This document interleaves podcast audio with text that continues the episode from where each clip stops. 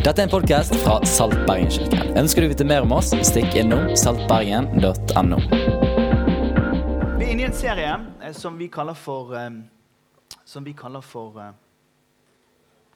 Liv og lære. Ja, takk for den, ja. Vi er inne i en serie som vi kaller for Liv og lære. Eh, Life and learning, som vi sier på international. Ja, så vi, så vi, og, og det vi har snakket om i denne serien, det er at det å, det å leve det man tror på, er det som understøtter at det man tror på, er the real deal. Er, er virkelig. Men når man frakobler livsstilen sin fra det man tror på, så blir det veldig rotete for folk å forholde seg til det som eh, man faktisk sier. Jeg skal ikke lese navnene på de eh, avisoverskriftene som kommer nå. Jeg, jeg, jeg, men det er klart han her kunne blitt president i USA. Unnskyld, i Frankrike. Hvis han ikke hadde dommet seg så utrolig ut. Rettssaken mot han begynte forrige uke. Den neste her. En, eh, en prest i byen vår. Utrolig trist. Som, som svindlet og gjorde noe greier. Den neste her, Det er jo kjempeflaut at politikere ender opp på denne måten. Eller den neste her. Eh, Philip spurte meg liksom er det mye promille. Ja, lille venn, det er mye promille. 1,65 i en Audi. Og så her er et av mine forbilder fra da jeg var ungdom. Sju unger, og så ender han opp med å, å stikke av fra hele gjengen. Og så blir det så utrolig trist. Og jeg viser ikke dette for å henge ut noen. Men livet og læren, læren og livet, når det er integrert, så blir det bra. Men når vi frakobler det, så blir det trist. Og så finnes det selvfølgelig nåde og gjenopprettelse for alle mennesker. Det er ikke vårt poeng. Men det er noe med at når Paulus, den voksne mannen, skriver et brev til den unge Timoteus, så sier han hvis du skal få troverdighet og gjennomslag for det du preker, ja, da må du nesten leve på den måten også. Det er et ordtak som sier 'så en tanke', og så høster du en gjerning. Så en gjerning, og så høster du en vane. Så en vane, og så høster du en livsstil. Men så en livsstil, og så høster du en skjebne. Altså, Det er en sammenheng mellom den første tanken og der man ender opp i livet. Og det er en underlig greie. Du vet, det er ikke det første sprøytestikket som gjør at en narkoman blir narkoman. Det begynner med en tanke. At man utsetter seg for det. Altså, det, det, er ikke, det, er ikke, det, er ikke, et øyeblikk av uh, vill følelse som gjør at noen går hen og uh, utro mot den man er gift med. Det er en tanke. Og på det positive så er ikke det masse talent som gjør at man får en kunstnerkarriere eller en sånn artistkarriere. Det er en tanke. Det er ikke en masse penger som begynner masse rikdom. Det er en tanke. Tanken vår har en enorm kraft. dere. Og Hvis vi kan gripe det i livene våre, uansett om vi er 15 i dette rommet, eller om vi er 55 eller 85, så kan vi få lov til å ta et grep om livet vårt. Og så kan vi tenke at dette livet som ligger foran herfra ut, det er noe som vi kan ha styring over. I ordspråkene 23, 7 så står det 'slik som et menneske tenker' i sitt indre. Sånn er det mennesket. Altså Ikke slik det mennesket ser ut, er det mennesket. Eller slik det mennesket kan synge, er det mennesket. Eller slik det mennesket kler seg, er det mennesket. Men vi tror at livet kommer ifra innsiden. Så når jeg snakker om dette temaet som jeg snakker om i dag, så gjør jeg det ikke med en pekefinger opp sånn. Jeg gjør det heller ikke med hendene mine på denne måten, men jeg gjør det på denne måten, for det er sånn vi forstår det kristne budskapet. Det er en invitasjon til et annerledes liv. Men oppførselskristendommen, som handler om at vi skal gå og regulere atferden til folk, det blir bare døden til slutt. Fordi Det går ikke an å gå rundt og spørre spørsmålet burde, gjøre, gjøre, skulle, kunne, måtte, ikke. Det nytter ikke. Det er hjertet Guds ord adresserer. Og når vi har kontroll på det som skjer her inne, og når vi gir det som skjer her inne, til Han, så er det faktisk mulig å navigere gjennom livet. Og Det er det han skriver til unge Timoteus. Han skriver til han i kapittel 4. Det er femte gangen vi preker fra dette eh, brevet. her, eh, og Vi skal lese nå kapittel 4, vers 12-16. La ingen forakte deg fordi du er ung, men vær et forbilde for de troende i ord, i livsførsel, i kjærlighet, tro og i renhet. Ta deg særlig av skriftlesningen, formaningen og undervisningen helt til jeg kommer. Forsøm ikke den nådegaven som du har, den du fikk på grunnlag av profetiske ord da Eldsterådet la sine hender på deg. Legg vekt på dette, lev i det, så alle kan se at du gjør fremskritt. Gi akt på deg selv og på læren. Fortsett, fortsett med det, for gjør du det, vel, da skal du frelse både deg selv og dem som hører på deg.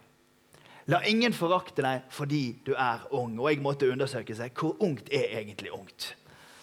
Og jeg er kommet frem til at det Ordet for ungt her det inkluderer også de som er i 30-årene. Så jeg har vært veldig glad i Paulus denne uken her, og kjenner det at jeg er innenfor.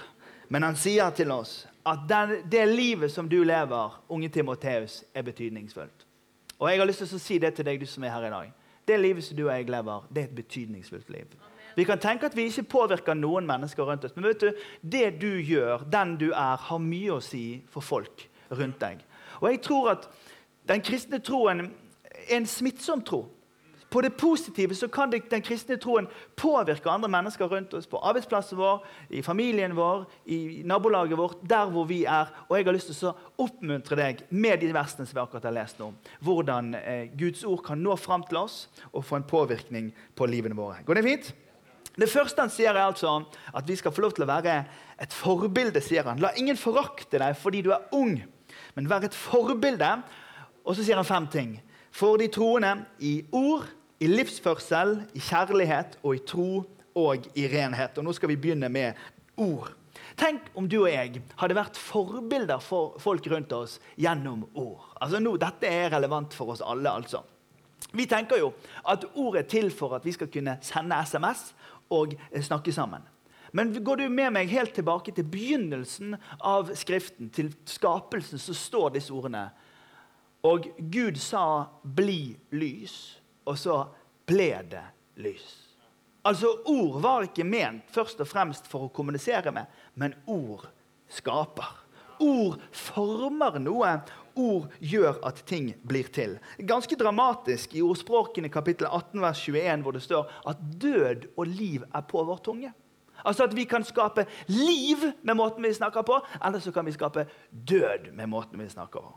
Og Nå er ikke min mellomste her, nå, da, men det hender at jeg av og til må si til han at liksom, jeg er ikke så god i fotball, får ikke det til, får ikke det. Han er kjempegod i fotball. sant? Og, men han tenker liksom at en eller annen venstreback er så utrolig mye bedre enn han. Og da sier vi til han liksom Har du, har vi noe, har du en, en venstreback på laget ditt nå?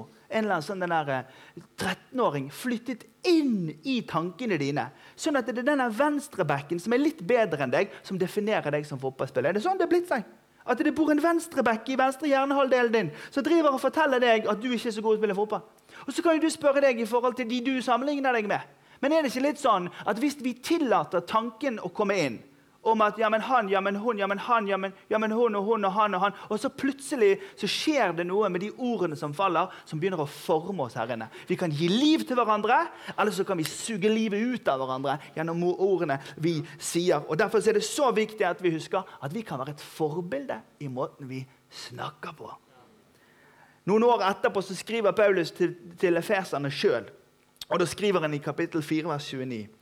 La ikke råttent snakk gå ut fra deres munn, men ha god tale som er nødvendig til oppbyggelse, og som blir til velsignelse for de som hører på. Det er så mye lyd, det er så mange ord, det er så mange ting. Du må bare fortsette å snakke sånn hvis du vil. Men her fins en veldig positiv oppfordring til oss om at vi kan få lov til å regulere det vi sier, og være bevisst på hvordan vi skaper med ordene våre.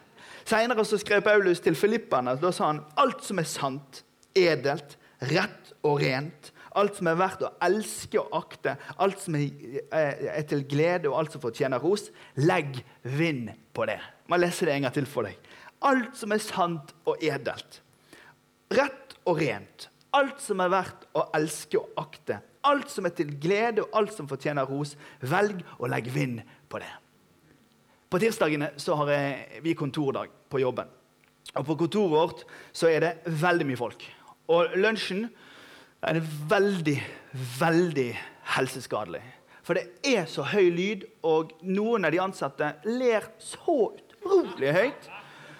Og Og Det er så mange møter og så mange som skal snakke med meg. og Når jeg begynner å nærme meg rundt klokken to-tre, et eller annet sted, da begynner også det her med hvem skal kjøre kor og sånn. Og Så kommer hele logistikkavdelingen hjemme fra huset mitt inn over meg. Jeg må ha kylling, jeg må ha laks, jeg må ha grønnsaker. Jeg skal gå, kan du kjøre og hente? Og da, når jeg kommer i bilen av og til, så hender det at det skjer noe på en dag som jeg ikke liker. Altså Én negativ ting skjer av og til. Akkurat som en liten svart flekk på det hvite arket. Altså Jeg tenker om mitt liv det er litt sånn som dette arket her. Bare muligheter. Fantastisk åpent landskap. Men det hender av og til at det kommer en svart flekk. Og den svarte flekken, den får min oppmerksomhet. Så går jeg gjerne ut i bilen, skrur på handsfree, og så ringer jeg en kamerat i en eller annen by og sier jeg har lyst til å snakke om den svarte prekken. Det er utrolig synd i meg, men så får jeg litt sånn oppmuntring. og sånn, og Så kommer jeg hjem til Gina. Der får jeg aldri oppmuntring om svartefrekk. Hun bare sier til må du få perspektivene tilbake igjen. Hvor er det hvite arket? Jeg vil ikke snakke om det. Jeg ringer til min mor. Hun gir meg alltid omsorg om det svarte brikken. Ingen problem. Jeg får alltid litt kjærlighet og glede av hun på akkurat det med den svarte prikken. Og så på kvelden så klager litt ungene om den svarte prikken, og før jeg legger meg, så ser jeg nyheten om en eller annen krig, og så tenker jeg ja, der ser du det. De har eh, svarte prikker andre steder også. Legger meg om kvelden, drømmer om den svarte prikken, og om morgenen så er jeg dypt deprimert. Fordi at jeg har en svart prikk, og den trekker min oppmerksomhet til seg. Det fins noe brutt noe på innsiden av alle oss mennesker som gjør at midt i de åpne landskapet av våre liv, så trekkes vi i retning av den ene lille feile tingen. Og Det er derfor Paulus sier til Timoteus han sier, nå må du passe på at når du er blant folk, så må du være et forbilde i måten du snakker på, unge mann. For vet du Alt det som er sant og rett, det som er rent og edelt, det som er verdt å akte og elske. Snakk om det! Bare løft de tingene fram. Sørg for at du blir en som repeterer det gode og ikke det kjipe. Det som er verdt å elske, ikke det som er verdt å hate. Ikke den tingen som er en svart prikk på et hvitt ark, men snakk om det store, hvite arket. Og vet du, Det kan vi alle sammen ta til oss, det at vi kan få være et forbilde i ord. Så står det at vi skal få være et forbilde i livsførsel. Og Det er klart at det å være et forbilde i å føre sitt liv altså, Hvem er bevis å si noe til de som bor i Syria nå om det? Eller de som er kristne og blir forfulgt i Nord-Korea. Altså, Hvordan forhold har en kristen i Nord-Korea til løgn? Eksempel? altså, du må jo nesten navigere deg gjennom at du blir forfulgt hele tiden. sant? Et forbilde i, i, som kristen forretningsperson i et korrupt land. Korrupt betyr der man gir penger for å få lov til å gjøre businessen sin. Altså, Jeg vet ikke. Men jeg vet i hvert fall det at vi bor i et land hvor vi er så rike, og vi har så mange muligheter, og det er så masse greier som vi kan gjøre. Og det er ikke alt vi prioriterer i livene våre, som er egentlig verdt å eksportere. Det er ikke alt vi gjør i livene som er verdt å imitere heller, men kanskje vi kan tenke på. Så får du tenke i ditt liv. Hvordan er jeg et forbilde i livsførsel? Hvordan er jeg et forbilde med livet mitt, og hvordan smitter det på andre mennesker? Er dere med? Vær et forbilde i kjærlighet, sier han. En av problemene i Efesus når Paulus skrev brev til Timoteus, det var at folk drev og rotet til historien om hvem Jesus er. Det kom en jente til meg i eh, det er en jente som heter Georgina, som, eh, som har vært med i menigheten her i noen år. og På onsdag reiser hun tilbake til Filippinene. Og Det er trist, for hun har vært en sånn en oppmuntring. og Hun er så sinna på meg for at ikke vi ikke har podkast på engelsk. For hun sier at jeg har fått et sånt syn på den kristne troen i de årene jeg har fått vært i Bergen. Dere har kommet til det på en annen vinkel enn den jeg er vant til. Jeg, jeg har fått, før så var det så vanskelig for meg å gripe kjærligheten i det, men nå, nå griper jeg litt mer hva, hva, det er. Og vet du, Det er utrolig stort å høre det, for det er ikke alt som utgir seg for å være kristent budskap, som er et kristent budskap. For kristne budskap som tynger folk, Kristne budskap som regulerer mennesker og gjør de små, det er ikke et kristent budskap. Vær et forbilde i kjærligheten, sier han. Få rotsystemet ned i at Gud er kjærlighet. At Jesus Kristus kom til vår verden som en gratis gave til oss mennesker. Vær et forbilde i kjærligheten. Vær et forbilde, sier han, i din tro. Vi hadde besøk av en fantastisk forkynner her forrige uke. Jeg bare tenkte liksom Nytt mål. Sånn skal jeg se ut når jeg er 56 år gammel. Altså, Han så ut som han var 29. vet du. Jeg følte meg som jeg var 129. For en type. Og han sa det så utrolig godt. Vi er det eneste arten av mennesker som kan velge oss en annen fremtid enn den vi kommer fra. Beveren kommer til å fortsette å bygge damer. Eh, kommer til å forsøke å rekke opp denne matten. Apekatten kommer til å gjøre det de gjør. Men menneskene kan tro veien inn i en annen fremtid. Vær et forbilde, Timoteus. Og jeg sier til dere her, her i dag, La være et forbilde i det å danne en framtid som er godt for menneskene rundt deg, og som ærer Gud. La oss være forbilder i sånne som skaper noe nytt noe omkring oss, som ærer Gud, og som er godt for mennesker. Vær et forbilde i tro. Og så sier han, vær et forbilde i renhet. I dag morges klokken eh, kvart på åtte så måtte jeg restarte Macintoshen min. Jeg har lært av Espen i menigheten her at hvis det er sånne svarte prikker under programmene, så er de åpne. Og i dag morges var alle åpne. Det som skjer med min Macintosh når jeg har alle programmene åpne, det er det at eh, han begynner å gå seinere. Og så til slutt, Jeg kunne ikke skrive engang, så jeg tenkte det var et angrep fra djevelen. Eh, men så skjønte jeg at det er bare de svarte prikkene, og de kan jeg, de skal jeg ta opp. De tar, trenger seg å be om engang. Jeg bare skrur den av og skrur den på igjen. Det gikk fint. Så, så gjorde jeg det. Men det som skjer med oss som lever i et kunnskapssamfunn, hvor datamaskinen er på hele tida, hvor det er Snapchat, og det er Insta, og det er avisartikler, og det er folk som ler så høyt i lunsjen at du får tinnitus bare når du tenker på lunsjen. Så, så, så, skjer det noe, skjer det noe med, med det som egentlig er ment å være ganske sånn rent lerret, hvor vi kan få ta inn inntrykk på en sånn måte at dette, dette, dette har jeg valgt at skal påvirke meg. Men jeg opplever at det er så mange ting som skjer med meg og mot meg i mediesamfunnet og i kunnskapen og i, i, i, i, kunnskapssamfunnet som, som, som, tar over og fargelegger hele greia på en ufrivillig måte, så at jeg sliter med å, med å tenke klart noen ganger. Det blir varmt her oppe, for det er så masse informasjon og så mange inntrykk. Vær et forbilde i renhet. La oss bare passe oss på hva vi lar farge våre liv hva type språk og hva type bilder vi tillater at kommer inn i tankene våre. Fordi det, det er enklere å navigere gjennom livet når vi er sjef i det, enn når vi blir bombardert av farger og inntrykk som gjør at vi sliter. Hvis du er enig med dette, så kan du nikke lett karismatisk. Vers 13. Ta deg særlig av skriftlesningen, formaningen, undervisningen, helt til jeg kommer, sier han. Han sier at han skal ta vare på skriftlesing. Vi hadde en lærer når jeg var student. Jeg var student en gang når jeg var yngre. Og Da hadde vi en lærer hun het Debra Gill. Veldig, hun var et geni. Hun kunne gresk framlengs og baklengs. Oversatte Nytestamentet sammen med en annen type en gang. Kjempesmart. Og hun sa til oss når dere skal lese Bibelen, unge menn og kvinner, i kirken Nå sier jeg at jeg har, jeg har gjort en feil, så nå skal jeg bare vise hva feilen jeg har gjort i alle år. Så sa hun så skal du ta Bibelen opp sånn og så skal du stå bak talerstolen og så skal du lese høyt fra Bibelen. Men så skulle jeg liksom eh, holde meg ung og frisk, sant? så jeg bare tenkte nei, vi legger den vekk sånn. Og så tar vi heller opp den. Dette er den tredje sånn flytende Bibelen jeg har. Sant? iPaden. Sant? Vi unge forkynnere vi blir veldig kule når vi har iPaden. Sant? Men det er, det er, jo min beste venn, så det er derfor jeg bruker han min. Men jeg, jeg, innser jo det at når denne som jeg også leser mail på, ligger på et rundt bord, og så kan jeg bare snurre på det litt sånn og gjøre akkurat det jeg vil med det, så synliggjør ikke jeg for de som er ny her i dette miljøet, at det er faktisk én tekstsamling som er over de andre tekstsamlingene. Det er faktisk én bok som er hakket over alle de andre bøkene, og det er Guds ord. Og jeg bare tar det til meg at Vi trenger å symbolisere tydeligere vi, at vi tror på denne boka. Hebreabrevet kapittel 4 vers 12 så står det at uh, Guds ord det er levende og det er virkekraftig. Det er skarpere enn noe tveget sverd. Det trenger igjennom til det kløver sjel og ånd, marg og bein, dømmer hjertets tanker og råd. Du vet, Når du leser Bibelen, og dette kan du skrive på Twitter hvis du vil, så er det ikke bare du som leser Bibelen, men det er Bibelen som leser deg. Jeg lover deg, Når jeg leser Guds ord, så skjer det noe med min måte å tenke på. Jeg opplever at han leder meg, avslører noen av holdningene mine og tankene mine. Jeg opplever faktisk at jeg blir en bedre sjef av det. Jeg opplever at jeg blir bedre ektemann av det. Mest sannsynlig bedre far av det.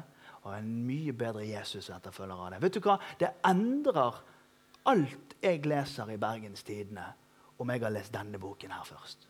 Fordi at jeg får åpnet hørselen min til en annen dimensjon. Dette er ikke det samme som pensum på sosiologi på universitetet. Det er Guds levende ord. Og det bare trenger inn, og så gjør det noe med hva jeg føler og tenker, og, så blir det dette blir til mitt liv. Dette er veldig viktig. Jeg har vært i ganske mange land rundt omkring på planeten, og i Norge er det fantastisk å overleve uten eh, lommelykt fra type april til september. Men ellers er det egentlig livsfarlig å bevege seg i Norge uten en lommelykt. Hente ved i huset vårt. Du, er ikke sikkert du kommer tilbake inn fra vedstabelen, for det er helt svart der inne i det rommet. og det er gressklipper og beverfang, sånne, sånne der feller og bjørnefeller og taljer og alt mulig greier. Det er livsfarlig. Derfor er det så fantastisk at salmisten skriver i Salme 119, 105 Ditt ord er en lykt for min fot. Det er et lys for min sti. Jeg ser ikke nødvendigvis hva som er bak neste sving, men jeg ser fram til neste sving. Og det er sånn Gud leder oss. Han leder oss sving etter sving. på en måte. Den var god. Den kan du også skrive på Twitter. Ta, ta den du, Espen. Sant? Han leder oss sving etter sving. Hashtag. Sant? Det, er ikke så lett å gå rundt greiene, men, men han, hans ord er med oss på veien. Og det er det Paulus sier til Timoteus. Inntil jeg kommer, bare sørg for løft opp boka, les det som står der, og gi en kommentar. For denne boka er lykten for stien din underveis. Jeg skal gå inn mot landing om en liten stund, men nå er du advart til at vi er på vei til en landing. Vers 14. Forsøm ikke den nådegaven som du fikk på grunnlag av de profetiske ord da Eldsterådet la sine hender på deg. Legg vekt på det, lev i det, og så skal alle få lov til å se at du gjør fremskritt. Eldsterådet høres jo litt skummelt ut. Sant? Det er alle de med skjegg fra 'Ringenes herre'. Sant? Det er ikke det som er poenget. Poenget er at eldsteråd er de som har tillit til å være kristne ledere i en menighet. Og Dette ble jo skrevet til en ung mann for at han skulle huske på at det er noen som bryr seg om han. Og Det er skrevet helt til han, men det er kanskje annet enn å tenke på noen av mine venner når jeg tenker på dette. Neste uke så skal vi på, på vinterferie, og da har vi invitert med oss noen venner av oss vi har kjent i mange år. Nico og Olivia Puccini de er fra USA, og de har valgt å bli misjonærer til Estland. De bor i Tallinn. De ledet et fantastisk arbeid i Armenia for noen år tilbake, og nå bor de i Tallinn. Og han tenkte well, just gonna build a great church in Tallinn. Hallelujah, amen. Og nå har han vært der i to år, og han har 50 stykker. Sant? Og jeg bare tenker liksom Kjære Jesus. Tror ikke du han mange ganger har tenkt på at noen, noen, noen la hendene sine oppå meg, og så sier de vi, vi er med. Noen sa noen ord. Vi, vi støtter deg i det som du skal gjøre. Eller jeg satt på Skype med en annen kamerat av meg som heter Brian Weaver. Frankfurt i Tyskland. Han skulle egentlig bli pastor i en flere tusen medlemmer i USA. Men han sa I believe God has called me to Europe. Amen, halleluja. Så spør jeg han på Skype i forrige sitter vi prater sånn, Begge har Yankees caps på. Så sitter vi der og prater, meg og han. Og så sier jeg hvordan går det? Så sier han bare German is really hard. Tror ikke du han må tenke at hva, noen har lagt hendene sine på meg? Noen har uttalt noen ord av tro. Eller Benedicte Ekemann, som er med i kirken vår her. som bare utrettelig arbeider for Freedom-kampanjen mot menneskehandel. Eller Kristian Anja Torbjørn som bare flytter Norom Brune liksom, og bare sier vi bare gjør det. Og I dag hadde de fastelavns fest, liksom, så det sprutet bolledeig utover hele kommunen. Sant? Nei, men Helt alvorlig. Eller Espen og Jenny, som begge to knelte ned her. Noen syntes det var rart. Jeg har fått høre at noen syntes det var veldig rart at de knelte. Men det var hundrevis av mennesker her som så geolog 1 og geolog 2 knele ned. Og så sto vi og så ba. Så la vi hendene våre på dem, og så uttalte vi noen ord til dem. Og så lever vi i en kultur eh, som er så underlig at, at vi av og til sier at liksom, du kunne jo gjort noe annet. Du kunne jo, du kunne jo jobbet kanskje i Statoil og, og laget et hull ute på, på en eller annen sånn der, en knaus ute i Nordsjøen. der. Det kunne jo du gjort. Men skjønner vi hvordan det avslører hva som er viktigst for oss? Skjønner vi det? Skjønner vi at når vi sier til to knelende geologer som har sagt vi vil bygge menighet for de internasjonale i byen Det er greit nok for Øystein at han skal være salt, men vi skal være jordens salt. Og så, og så, så sier de, så sier de vi, vil, vi vil bøye For det, det, de gjorde her når de knelte ned, vet du, det at de bare synliggjorde på en helt ærlig måte i et rom at det er Gud som er herre i mitt liv. Vet du, resten av uken vet du, så kneler vi for alt mulig annet uten at vi vet det. Vi kneler for forbruksfesten. Vi kneler for sammenligningskulturen. Vi kneler for, vi, vi kneler for påvirkning som vi ikke aner at finnes engang. Kirken er et rom hvor det er helt avklart hvem vi bøyer oss for. Og Så fikk vi lov til å legge hendene på dem og så fikk vi lov til å uttale noen ord til dem. Og Det er klart at de kommer til å få tankekjør. Det kan godt være De tenker at liksom, ja, vi skulle jo bare begynt i Statoil med en gang. vi skulle jo bare gjort. Det er ære være de. Og ære være Kristian Anja. Og ære være Benedicte Ekemann. Ære være alle de menneskene som legger ned sitt liv og så sier vet du hva, jeg tror at en gang så var det noen folk som sa noen ord. Og det, vet du hva, Jeg skal holde fast på det som jeg bestemte meg for. Jeg skal ikke forsømme det. Jeg skal ikke glemme det. Jeg skal huske de. Og jeg treffer jo folk, jeg har jo gleden av å reise litt rundt i dette landet. Og det er Noe av det kjekkeste jeg vet, det er å treffe sånne folk som, egentlig, som er veldig sånn anonyme folk. Og så kommer de bort til meg og så, de, så legger de hendene på meg og sier at du skal vite at jeg ber for deg. Trøndere ber for meg. Og det, jeg tenker, Mirakelens tid er forbi. Jeg har en gjeng med trøndere som ber for meg. Og det de gjør, det de, de bare håper og ber om at vi skal bare fortsette. Er du med? Om at vi skal holde fast på det som Gud har sagt. Jeg viste noen bilder der i begynnelsen. Det er tragisk. Men det er ingen av oss som skal tenke at det ikke kan gå skeis med oss i livene våre. Det fins alltid gjenopprettelse, men må Gud gi oss nåde til å fortsette med det som Han har bedt oss om å gjøre i livet. Må vi be for hverandre og be for Espen og Jenny. Og la meg bare si én ting. Aldri minn Espen og Jenny på at de heller skulle gjort noe annet. Velmenende kristne som kommer til meg personlig sier at ja, men du skulle jo kunne gjort noe annet. Du kunne jo blitt politiker eller forretningsmann. eller et eller annet. Helt alvorlig. Hvorfor driver folk og fornærmer meg på den måten? Nå blir jeg aldri fornærma, for det har jeg bestemt meg for. Det er et livsvalg som jeg har gjort. Men det er unødvendig å provosere fram en annen livsprioritering for de menneskene som opplever et kall fra Gud. Det er ikke sånn at man egentlig velger når man opplever at man lever ut noe som man har fått fra Gud. Så la oss bare frede dem. La oss bare frede hverandre, og la oss huske på at hendene våre ligger på dem, og ordene våre er uttalt til dem for at de skal få lov til å være med på å gjøre noe som er større. For det større det finner vi i vers 16. Gi akt på deg selv og på læreren. Fortsett med det. For gjør du det, da skal du frelse både deg selv og dem som hører deg. Wow! Altså, Det skal faktisk påvirke vårt nabolag, vår verden og vår Bergen, det livet som vi lever. I eh, gamle dager så hadde de en sånn øvelse som de kalte for Dette er litt skummelt, da. Spesielt dere som er yngre, bør egentlig ikke høre dette. Eh, de, de kaller det for 'memento mori'. Husk på døden, sa de. Fordi at et liv er bare så langt som det er. og det var Noen ganger så brukte de å legge seg opp i kister. Og så lå de og sov i kisten sin. Så tok med seg leselampe og en liten bok, kanskje litt Donald Duck i kisten der. Og så, og så, leste de.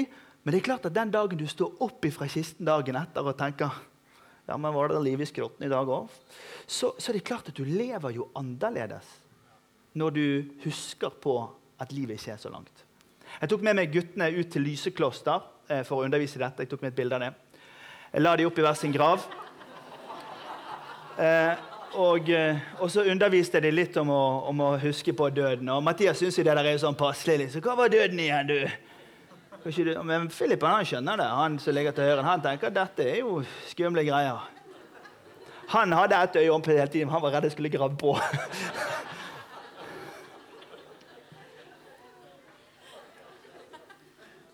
Men du, når jeg viser de avisoverskriftene i begynnelsen, så så er jo det fordi at det er utrolig og usigelig trist. Og man får et sånt et krasj. Det er derfor Paulus sier til Timoteus ikke forakt det. Pass på hvordan du lever. Styr beint. Ikke driv og skjul ting. Ikke vær en skuespiller. La det være sant her inne, og la det synes her ute. Ikke sånn, ikke sånn, men du er velkommen til et nytt liv.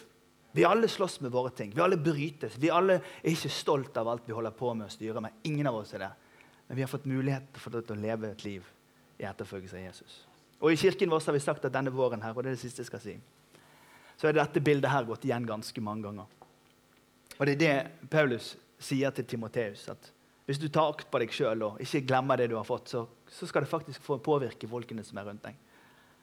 Hanne og jeg og noen andre var på skitur her eh, oppe i, i går. Og, og, så snakket jeg og Hanne litt. og Philip kjeftet litt på oss med mellomstøk. Går det an å gå på en tur uten å snakke om kirken? Så, så, eh, men jeg og Hanne fikk inn noen gode ord der da, mens vi snakket om noe annet. Og, og hun sier at de fleste trenger en fem-seks relasjoner med en kristen før de faktisk tror at det, det budskapet der er verdt å leve for nå for tida man trenger å få rettet jeg har, jo, jeg har sagt det mange ganger her før. Jeg har aldri en vigsel uten at folk sier jeg visste ikke at eh, prestene var så unge nå for tiden. Skjønner du? Det er bare en eller annen sånn der formørkelse. en eller annen plass. Når vi flyttet til Søred, husker du det? Hun naboen som kom til oss og sa vi trodde at alle var sånn kjempegamle i den kirken nede i byen.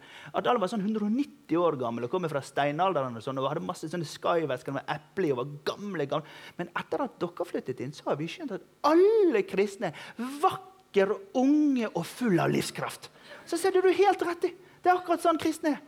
Hvorfor det? Jo, fordi at man får en relasjon med folk som bærer en tro her inne og et liv som er høyst til stede i 2015 her ute. Det er det vi drømmer om i Saltbergkirken. At vi skal bare være en gjeng av normale folk som uh, har gått på de samme skolene og som går på de samme arbeidsplassene og som deltar i det samme samfunnslivet, men bærer noe annet her inne. Det er det Paulus sier til Timoteus. Pass på at den måten du lever på, står i stil med den måten du tror på. La ikke hverdagslivet være noe annet enn søndagslivet, men ta søndagen din med deg ut i ukedagen og lev et liv i etterfølgelse av Jesus.